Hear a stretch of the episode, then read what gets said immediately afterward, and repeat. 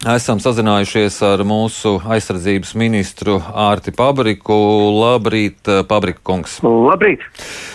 Jūs piekrītat Ukrainas kolēģiem par to, ka tagad pārējie ir aptvēruši situācijas nopietnību un tātad sniedz jau atbilstošu atbalstu Ukrainai? Es teiktu, jā, jo, redziet, tās pirmās 72 stundas jau jebkurā krīzē un jebkurā konfliktā ir tās eh, grūtākās ne tikai pašai tautai, kurai uzbrūk šajā gadījumā Ukraiņiem, bet tas būtu arī citos gadījumos, jebkuram citam, bet arī starptautiskai sabiedrībai. Un tas, kas notiek Eiropā, pašlaik ir zināmā mērā salīdzināms ar tādu, nu, pamošanos no letarģiska miega vai revolūciju, jo, ja mēs vēl vakar svētdien redzam, ka Vācijā sanāk Vācijas parlaments Bundestāgs un izmaina savu politiku, kurai viņi ir sekojuši pēdējos 50 gadus, proti pasakot, ka viņi paceļ aizsardzības budžetu līdz 2% un ir gatavi eksportēt e, ieročus uz Ukrainu, tas ir e, patiesībā nu, pat ne, neticams e, panākums. Un es domāju, ka tas arī drusciņi šokē šos te Krievijas um, vadošās aprindas, jo, kā mēs atceramies vēl uh, pagājušajā nedēļā, kad bija šī um, izsludinātā mēdījos šī drošības padomas sēde Maskavā nedēļas sākumā, tad uh, Medveģevs runāja, nu ko, nu ieviesīs pret mums sankcijas, nu un pēc tam jau pašas ceļiem līdīs pēc mums, pie mums, lai atkal viss būtu normāli. Nu, izskatās, ka, izskatās, ka tā vairs tā lieta neies, jo um, abi Eh, nosacījumi, kas ir nepieciešami, lai Ukraiņa spētu noturēties, um, ir izpildījušies, ir masīvas ekonomiskās sankcijas un ir masīva palīdzība Ukrainai. Un psiholoģiskajā ziņā, morālajā ziņā Ukraina šo karu ir uzvarējusi.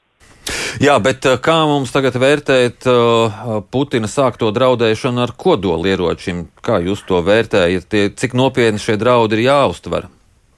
Nu, šo runu, protams, analizē visi mēdīji un analītiķi, mm, un ir pilnīgi skaidrs, ka tas īsākais un uh, svarīgākais uh, no šīs runas ir mēģinājums tieši mainīt šo pasaules attieksmi, proti uh, atturēt rietumus no palīdzības sniegšanas Ukrainai un iebaidīt un sašķelt. Tā kā pirmais, protams, motīvs ir psiholoģiskais. Um, tas, uh, vai uh, un cik daudz Krievija uh, un Krievijas vadošās aprindas un pats Putins apzinās, eh, cik um, bīstami ir šādā veidā spēlēties ar sērkociņiem uh, pie pulvermūcas. Tas, uh, cerams, ir saprotams arī pašiem Krieviem, Krievu sabiedrībai un, protams, tiem cilvēkiem, kas ir apkārt Putinam, jo, nu, ir skaidrs, ka ar atomkara draudēšanu jau um, neiebaidīs tos cilvēkus, kuriem pašiem ir atomieroči citās valstīs. Šeit jāatgādina, ka ne jau Krievija vienīgā ir atomvara, un ne jau ar uh, atomieročiem tagad uh, Putins spējas atrisināt savu uzbrukumu Ukrainai vai piespiest rietumus mainīt savu politiku. Tas jau nenotiek. Jā, bet uh, Krievijas propaganda mēs arī redzam, uh, bravūrīgi saka, jā, kodola karš tā būs katastrofa, bet kā, kamdēļ mums tāda pasaule, kurā nav vietas Krievijai?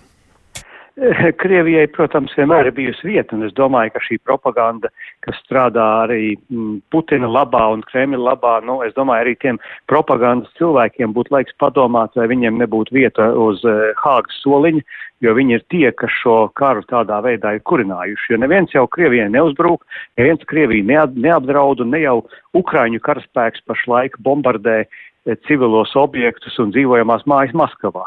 Tie ir, tie ir Krievijas karaspēks, kas bombardē Kievas iedzīvotājus, Mariupols iedzīvotājus un citu pilsētu iedzīvotājus. Nu, viņi saka, ka viņi dodās atbrīvot Ukraiņus. nu, nē, nu, protams, bet nu, es nezinu, jābūt, kā lietojot Putina terminoloģiju, ēzelim, lai tam noticētu. Uh, ja drīkst uzdot jautājumu, uh, rietumi pastiprina spiedienu. Mēs redzam, arī Eiropas Savienības līmenī tiek runāts par uh, bruņojumu piešķiršanu.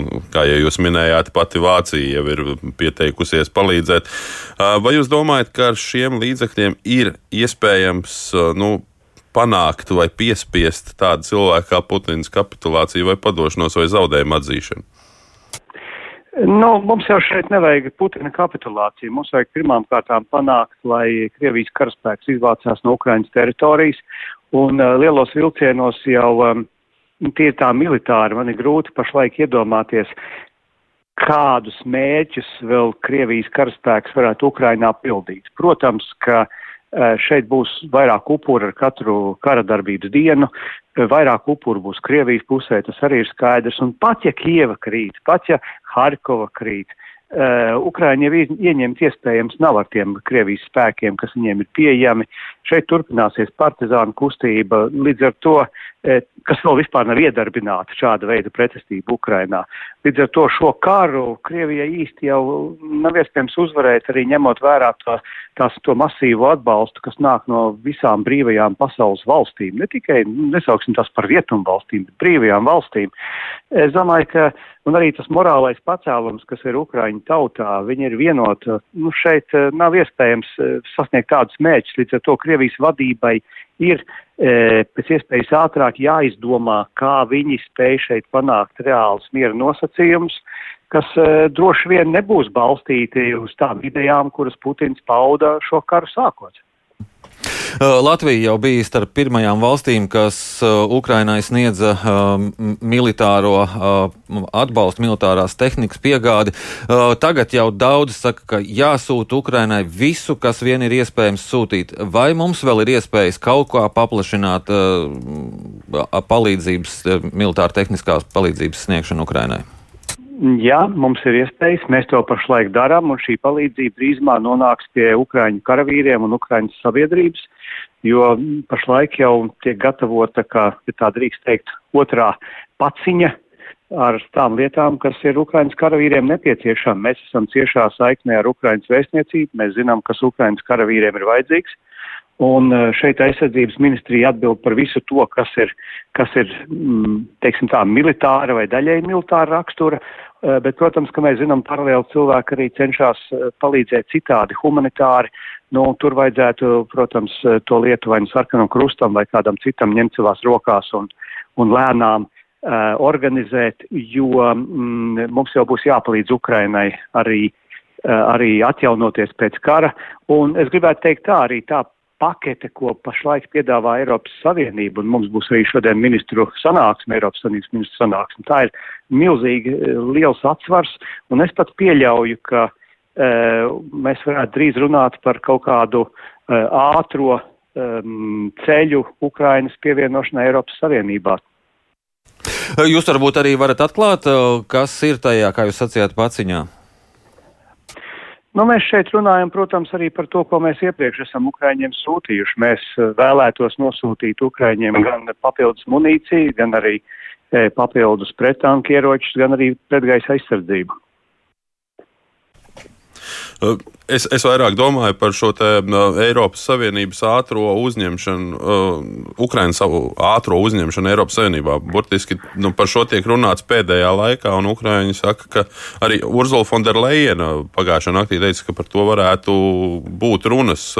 Varat varbūt paskaidrot, kas tieši tur varētu būt būt tas? Nu, tas ir, protams, vēl ir, eh, vēl ir pāragri eh, runāt par šo plānošanu, bet es domāju, ka tas ir viens nopietns solis, kur, kas nozīmē, ja Ukraina saņems masīvu palīdzību, eh, ekonomisko palīdzību pēc šī kara, un Ukraina arī spēs veikt iekšējās reformas, es domāju, ka viņai nebūs jāgaida desmit gadi, lai iestātos Eiropas Savienībā.